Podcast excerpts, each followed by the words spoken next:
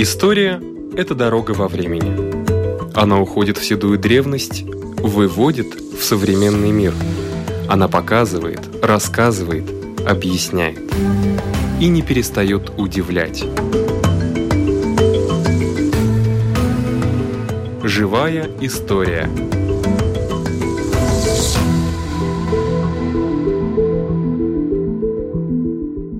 У микрофона Лидия Чера.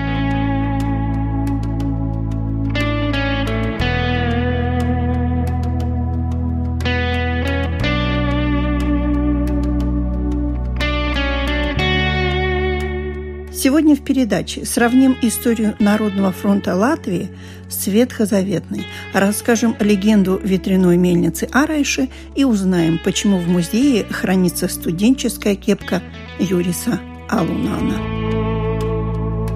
В Государственном музее истории Латвии прошли научные чтения. И одна тема, конечно, заинтересовала и всерьез.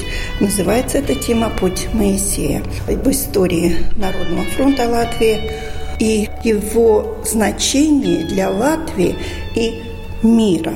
Референт Дайнис Иванс. Теперь вы заведующий музеем Народного фронта. Я сотрудник исследователь этого музея и отчасти экспонат музея.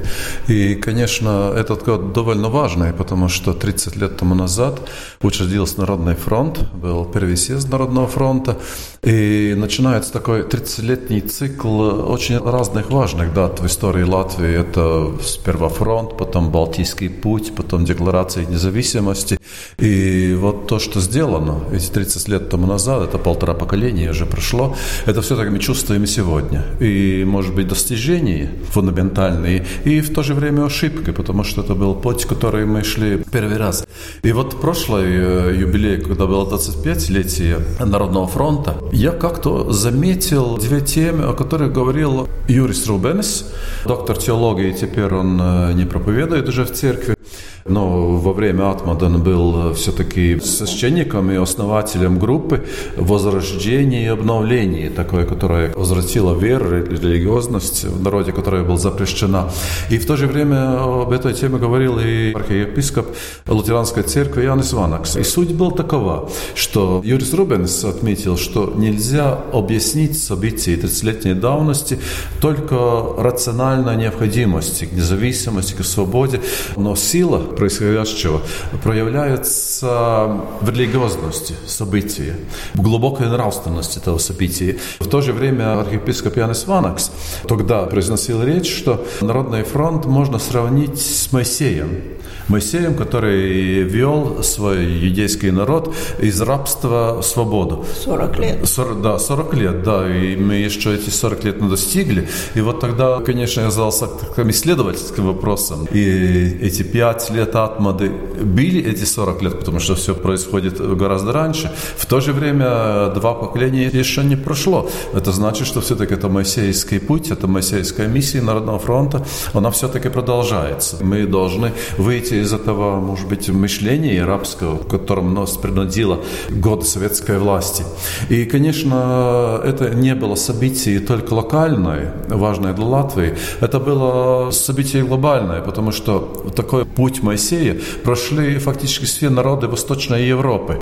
Какой из народов может быть более успешно, какой-то менее успешно, может быть, в зависимости от глубины рабства, которое было в нашем сознании. Но ясно то, что без, например, Народного фронта, так же, как и без эстонского Рахварина, Литовского Союза или украинского Руха, это все не свершилось так, как мы бы хотели, мы это не достигли. Потому что мы, каждый, были такой очень важной составной этой Моисеевской миссии. Например, после Балтийского пути все поменялось в Москве, и Кремль принял э, сам Народом съезд депутатов резолюцию, что пакт между Сталином и Гитлером было преступлением, которое они осудили, и является является непризнанным с момента подписания, это тоже было очень важно, потому что теперь мы видим, что кто-то пытается спорить тогдашнее решение. Где-то полтора месяца после Балтийского пути рухнул Берлинская стена, и не причина был Народный фронт, но все-таки без Народного фронта нашего в Латвии это не произошло.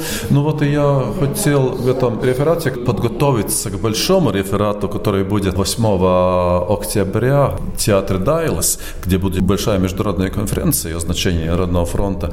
Но все-таки немножко поразмыслить, пофилософствовать о этих ну, глубоких нравственных мотивациях, это может быть религиозности, сакральности таких э, больших больших событий, которые меняют ход истории. Но многие говорят о том, что тот патриотизм, который был 30 лет назад, сейчас его вообще не найдешь. Я бы не сказал, потому что мы видим на все наши праздники, что люди рады, и люди вспоминают, радуют. Довольно часто меня приглашают в разные школы выступать. Я могу сказать, что молодые люди, даже пожилые люди знают очень мало. Все-таки нет этих знаний истории. Но все-таки после этого рассказа я чувствую, что они как-то прикасаются величие этого времени, и они всегда в восторге о том, что произошло. Но мы должны понять, что, например, верующие люди, они ходят в костелы, в церкви по воскресеньям обычно, не каждый день, потому что это такое сакральное событие, и мы не можем жить всю жизнь, может быть, в каком-то большом богослужении, как можем называть времена Народного фронта.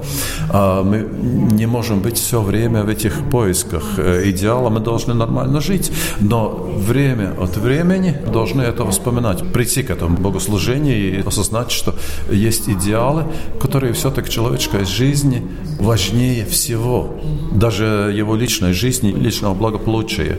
И, конечно, вопрос, который вы задали, что Значит, многие говорят, что да, нет патриотизма, конечно, это вопрос, куда нас привел Моисей, потому что он вывел из рабства, это точно, это мы знаем, да, да? да. И мы теперь свободны, и нам свобода выбирать.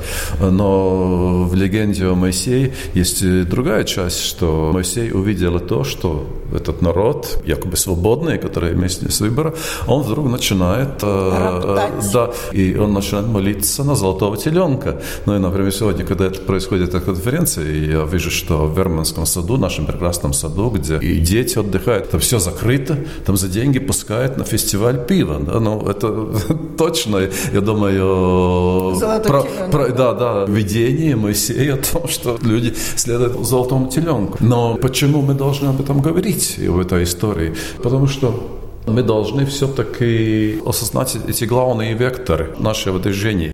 И мы должны и знать, что произошло. Я уже сказал, что в школах очень мало знают, и люди много знают. И одна из этих причин, что до сих пор нет таких серьезных академических исследований этой недавней истории. Вчера я беседовал насчет конференции, которая будет в октябре с юристом и профессором государственного права Янисом Плепсом.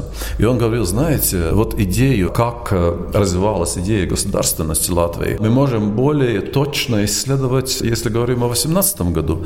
А вот в этой давней истории мы даже не знаем, не понимаем, не знаем, как развивалась идея возобновления независимого государства. Потому что раньше был более-менее свобода просто выжить, просто выжить в этих советских обстоятельствах. Потом уже была идея, что ну, может быть какая-то суверенность государства. А потом только возникла формула возобновить Латвию 1918 года. И, кстати, это важно сегодня, в столетии Латвии, потому что никакого столетия мы бы не отмечали, если бы не было то, что произошло произошло 30 лет тому назад.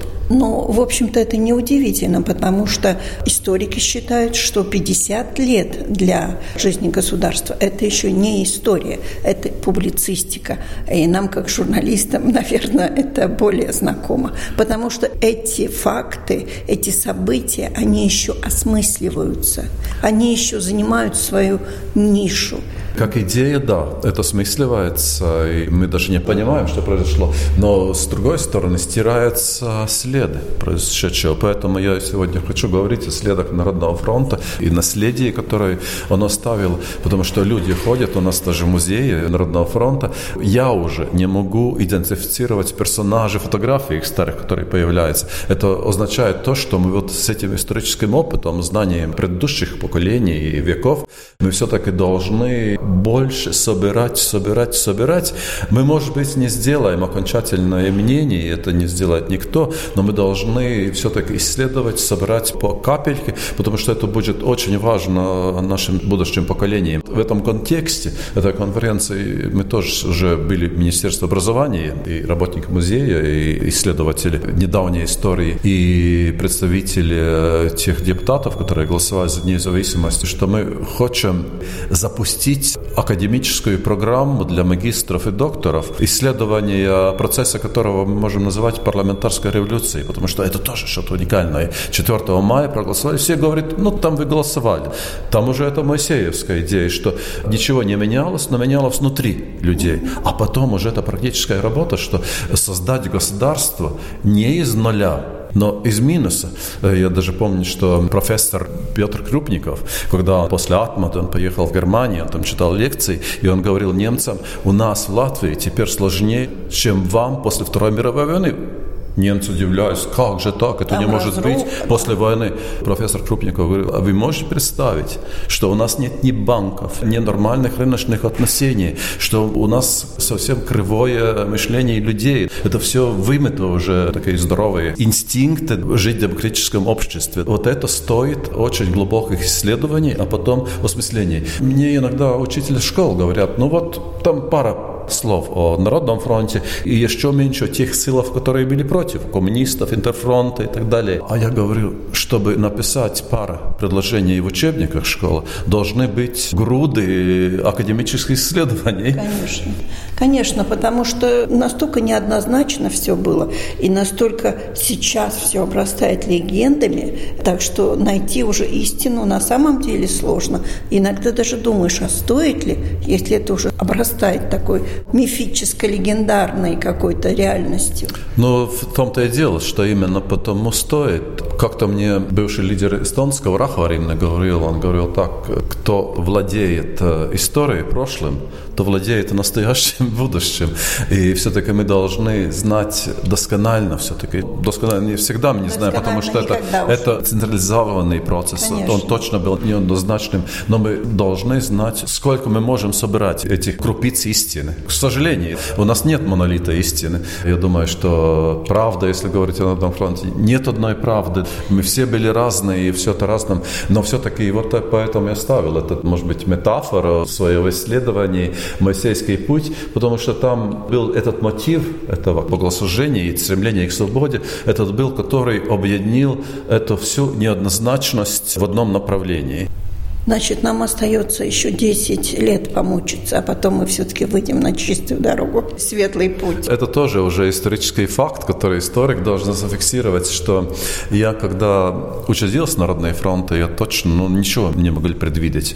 Но меня там разные журналисты, в том числе российские, московские, спрашивают, ну что, когда вы дойдете до независимости, как это будет и как сложно. Я говорю, независимость это будет скоро и легко. Но тогда я умно прибавил, был молодым в возрасте Иисуса Христа.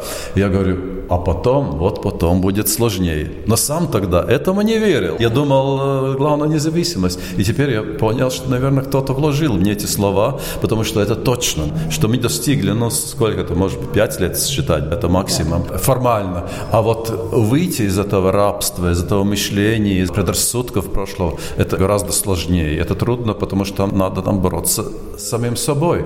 30 лет прошло, мы все-таки видим. в молодом поколении уже какие-то изменения, потому что недаром мы это все знаем физиологически, что этот путь Моисея 40 лет был, чтобы сменились поколения, которые не видели рабства и не думали о рабстве. Но мы все-таки видим, что Латвия и Рига, в частности, большие шаги делает да, э, в направлении такого нормально развитой цивилизации. И через 10 лет, я думаю, мы уже не будем скорбить по прошлому, но будем все-таки радоваться, что мы живем уже в свободном Свобода тоже понятие, которое может быть важнее независимости, и свобода тоже мы не можем достичь полностью, но более и более свободном э, обществе, чем сейчас. Значение Музея Народного фронта растет или затухает? Музей Народного фронта процветает, я могу сказать. На 25-летии Народного фронта 5 лет тому назад при большой поддержке правительства Валдиса Домбровского нам удалось сделать современную, может быть, одну из современнейших экспозиций. Нам удалось пополнить архивы этого музея. И нам удалось за эти пять лет оживить музей, потому что у нас теперь уже чаще и чаще проходят разные мероприятия. Мы 30-летие начали уже с дискуссией в прошлом году о том, что случилось в 1987 году, и это все продолжаем. Больше и больше ходят на музей посетители. Ну, я, может быть, там один экспонат. Там точно полтора поколения и моложе работают девушки, которые уже по-иному это все видят. И я все-таки вижу, что люди выходят очень довольными из нашего музея и как бы вдохновленными тоже после этого, потому что можно видеть и прикоснуться Балтийском пути, там э, можно увидеть все учредительные съезды, там можно видеть время баррикад и эту парламентарскую революцию. И, кстати, музей один из редких, в котором не надо платить входную. В любое время может человек прийти, посмотреть. И если мы говорим о следах или влиянии Народного фронта в сегодняшнее, то этот музей влияет и сегодня на процессы даже мировые. Например, недавно ко мне пришла докторантка из Хонконга, китайская девушка. Да, да. Оказывается, она очень интересуется механизмом, как работало ненасильственное сопротивление Латвии. Она говорила, мы в Гонконге тоже хотим то же самое. Мы не хотим влияться большой Китай, потому что они все-таки жили как американцы и протекторат, и там демократическое общество. Да. И она в таком восторге была. Она записала и потом говорила, что покажет там в Гонконге всем своим студентам эту нашу беседу. Каталонцы были и, и даже выпрашивали выставку в Балтийском пути. Вы знаете, может быть, пару лет назад Нет. по образцу Балтийского пути организовали свой путь, но так как каталонцев больше, там было, мне кажется, где-то 6 миллионов человек в этой живой цепи в Каталонии. И в этой цепи они пели песню Мартин Шабраунс «Солнце Перуны и Долгава». Который стал гимном да, Каталонии. Э, да, сейчас у меня встреча с швейцарцами. Может быть, с нашими людьми не так это чувствуется, но с иностранцами ты видишь, с каким восторгом они смотрят. Например, был журнал «Британский телеграф». Компания, они пришли, они фотографировали, мы шли там, они хотели сначала час, потом прошли со мной два часа. Их, конечно, интересовал начатый процесс Народного фронта интегрироваться в Европу, западной цивилизации. Им было очень много вопросов, не разочаровались ли мы в мечте о Европейском Союзе, потому что Британия это довольно актуально после Брексита. И... Тяжелые вопросы вам приходится отвечать. Да, да. Они подготовили большую публикацию об этом, но не так, как рассказ истории, а рассказ о, о настоящем. Очевидца того времени, которое можно применять и в наши дни. Ну и у нас тоже будет конференция 8 октября. Американский исследователь, профессор Бессингер, очень знаменитый, который исследует ненасильственное сопротивление во всем мире. Он как бы замещает профессора Джина Шарпа, нашего давнего друга, который даже мне кто-то говорил, что его исследования о нашем родном фронте использовали другие люди, другие государства как образец, как надо делать революции и перемены, и бороться за независимость. И профессор Бейсингер тоже будет читать лекции о таком мировом значении, э, значении Народного фронта. Ну, не только. Но мы не можем хвастаться, что мы уникальны, что мы едины. Были такие другие движения. Но все-таки, все-таки, без нас, я думаю, не было свободно ни Эстония, ни Литва. И не было многого другого. В Восточной Европе это не удалось. Может быть, мы были квазинезависимым государством, но все-таки эти первые, может быть, шаги, которые сделал фронт, они все-таки были верными, продиктованы истиной Мессии.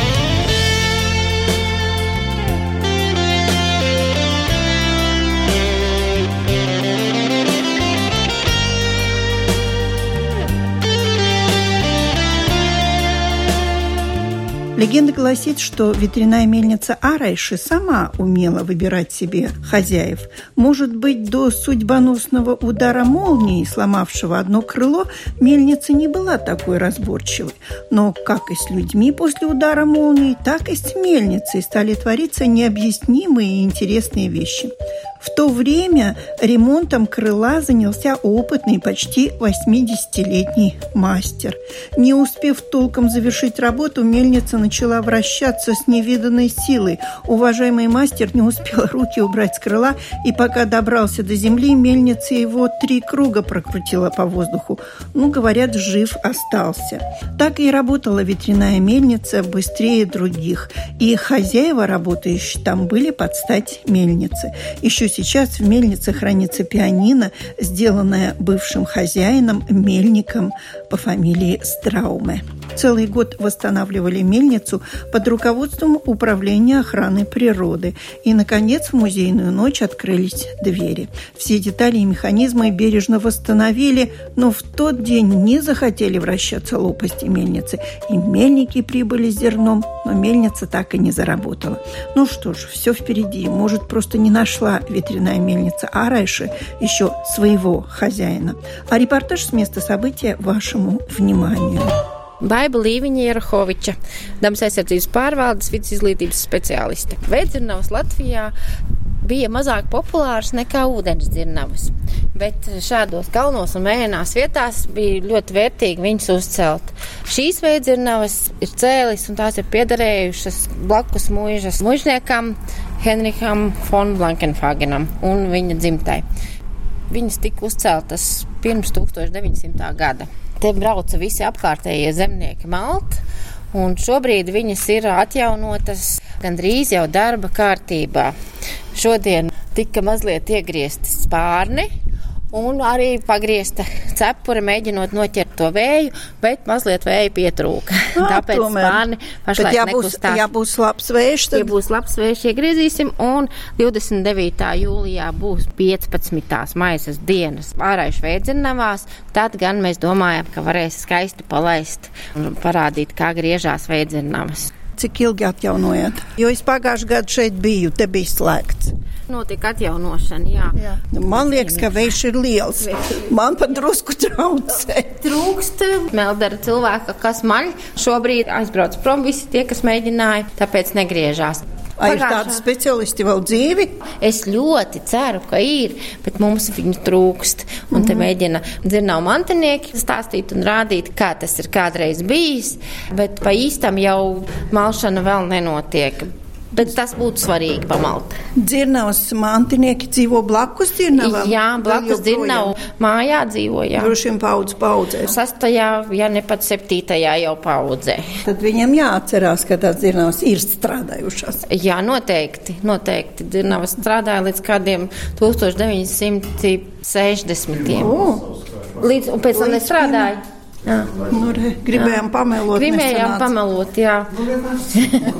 Tad viņi tik neilgi Neilgu laiku strādāja. Strādāja, jā. Sanāk, Jā, nu līdz tam un tad visi karināti. kas viņš ir. Piederīgs pie dzirnavu saimes. Viņš nav noteikti vairāk kaut ko zina nekā es. Bet viņš ir lepns. Nav nekas, kad jūs pateicāt, ka ilgāk izstrādājat. Un te māla visu miežus un rudzus. Un... Jā, visa veida labību. Tam tās dzirnavas ir domāts. Jo dzirnavas ir lielas, jauda ir liela, te varēja noteikti ļoti daudz samalt. Un tas ir tagad objekts, kuram piešķirta pat zīme latviskais mantojums. Jā, mēs taču lepojamies ar to. Un tagad liek klāt to. Jā, jā, zinu. Ir tāds notikums vienreiz gadā. Šogad jau bija. Un šitā te šilti ir, kad zibens saspēra dzirnavs un spārns tika saspērts. Un tad Rīgas dzirnavnieks iedeva naudu un to spārnu atjaunoja. Droši vien, ka zibens spērt augstākā vietā. Un... Ka viņš neaizdegās. Tad, Tas bija 2004. gadā. Pirms tam. Jā, Kas jums atļāva iesist te naglu? māza Margarita kaut kā jādara tā šilti. Vai ne? Jā. Bet šeit ir tagad mazā muzeja krātuvīte arī. Jā, noteikti. Šeit ir ļoti daudz, kas saistīts ar dzirnavām, ar miltu malšanu, ar tiem priekšmetiem un darba rīkiem, kas tam bija vajadzīgi. Bet šeit ir arī klavieres. Jā. Tās nav nejauši, jo šeit ir gadus 20 bijusi klavieru darbnīciņa. Šeit ir rati. Tiesa ar tādiem neveda miltus, bet ar tādiem brauca saimnieki, kungi, jā. nevis tikai lielie kungi, bet arī zemnieki, uz svētkiem, uz godiem, uz baznīcu. Un tas arī pieder ļoti pie vēstures un tā laika gara. Un jūs te strādāsiet tā kā muzejs? Vai būs vaļā durvis, vai nebūs vasaras turismu sezona? Durvis būs vaļā vai vienmēr.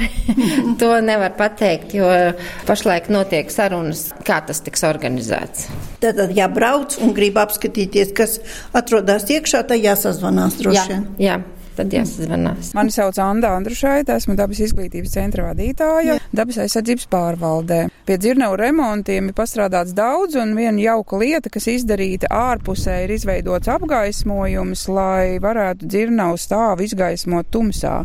Un uh, muzeja nakts vakarā arī dzirnavs izgaismots un izskatās ļoti, ļoti skaisti. Tā kā tas ir labs ieguldījums un nākotnē. Cik ilgi strādās šodien?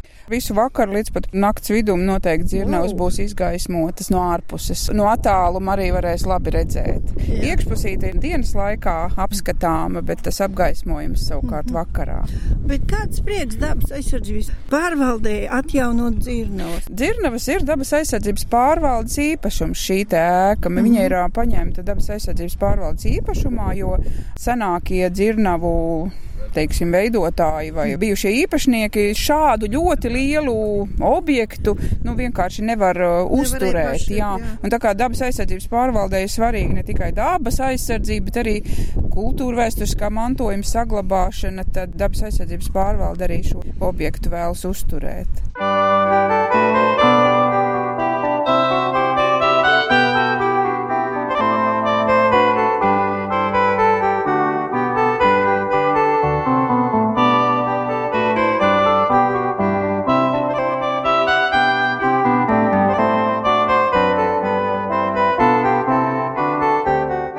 Реликвии истории Латвии, рассказывает Ирина Зайберте. Более чем 150 лет назад в Латвии происходили очень важные для консолидации латышского народа э, процессы. И то, как формировалась э, латышская нация, очень много на эти процессы повлияли младолатыши. В сущности, они и руководили этим процессом, потому что младолатышами в середине XIX века начиная с 50-х, особенно в 60-е годы XIX века, стали самые образованные, самые интеллигентные в то время латыши. Ситуация была довольно сложной, но э, не уникальной, потому что Похожие процессы происходили э, со многими народами и нациями именно в это время. И если посмотреть на историю Европы и на другие города, то э, процессы объединения государств, образования наций, они очень характерны для э, середины и второй половины XIX века. Но, конечно, для нас уникален именно этот процесс, процесс становления латышской нации.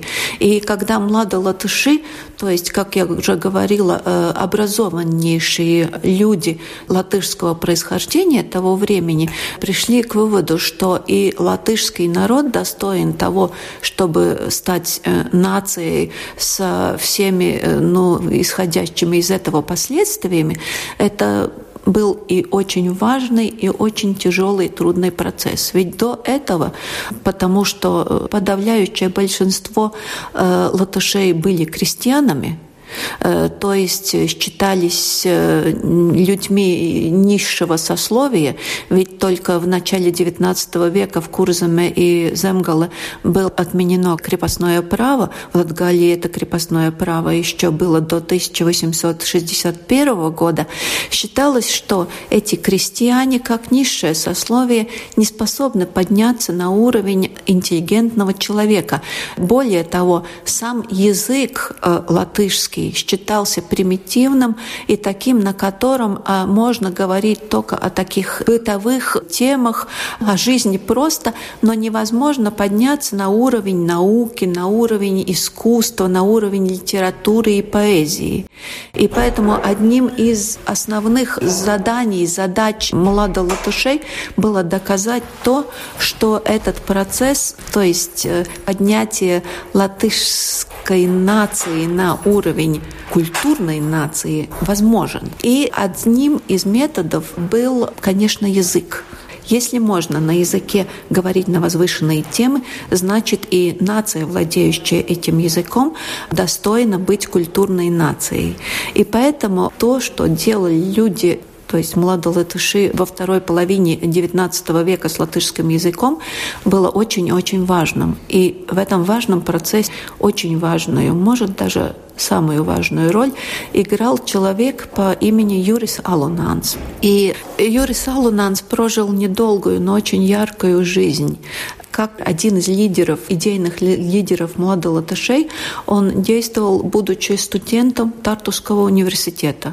Как известно, подавляющее большинство э, Млада Латышей были студентами э, Тартусского университета, и именно там, за пределами, за э, уже границей теперешней Латвии, образовалось это движение, оно сформировалось в сущности.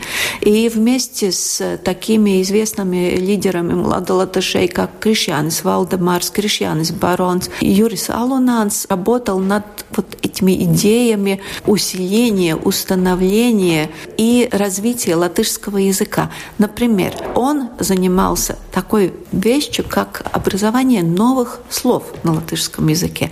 Например, он считается автором таких слов, как «ракстнекс», писатель, такого слова, как «бурц», буква – skolotājs, и пētnieks, исследователь, каравирс, карēvis. Не, например, э, солдат, как, ну, как э, это слово интернационального значения, а именно латышское. Например, арземес, за граница. Это тоже слова, созданные Юрисом Алунаном. И поэтому он э, считается, ну, безусловно, одним из лидеров младолатышей. И еще он написал, перевел и издал такое уникальное издание, которое известно под названием «Дзесминя» с песенки, где он опубликовал на латышском языке и собственного сочинения, и переведенную поэзию. И это было доказательство тому, что на латышском языке возможно не только говорить на возвышенные темы, но говорить и поэтическим языком. И вот когда Юрий Салунанс был студентом Тартусского университета, он, конечно, как все студенты того времени, или подавляющее большинство, был э, членом корпорации, и э, не только членом корпорации, он и автор э, слов гимна этой корпорации. И, конечно, каждый, как студент, член корпорации, он имел право носить фуражку с цветами корпорации и другие цвета корпорации, которые очень важны в жизни каждой корпорации. То, что он был активным членом этой корпорации, говорят, э, как ни странно, повреждения на этой фуражке.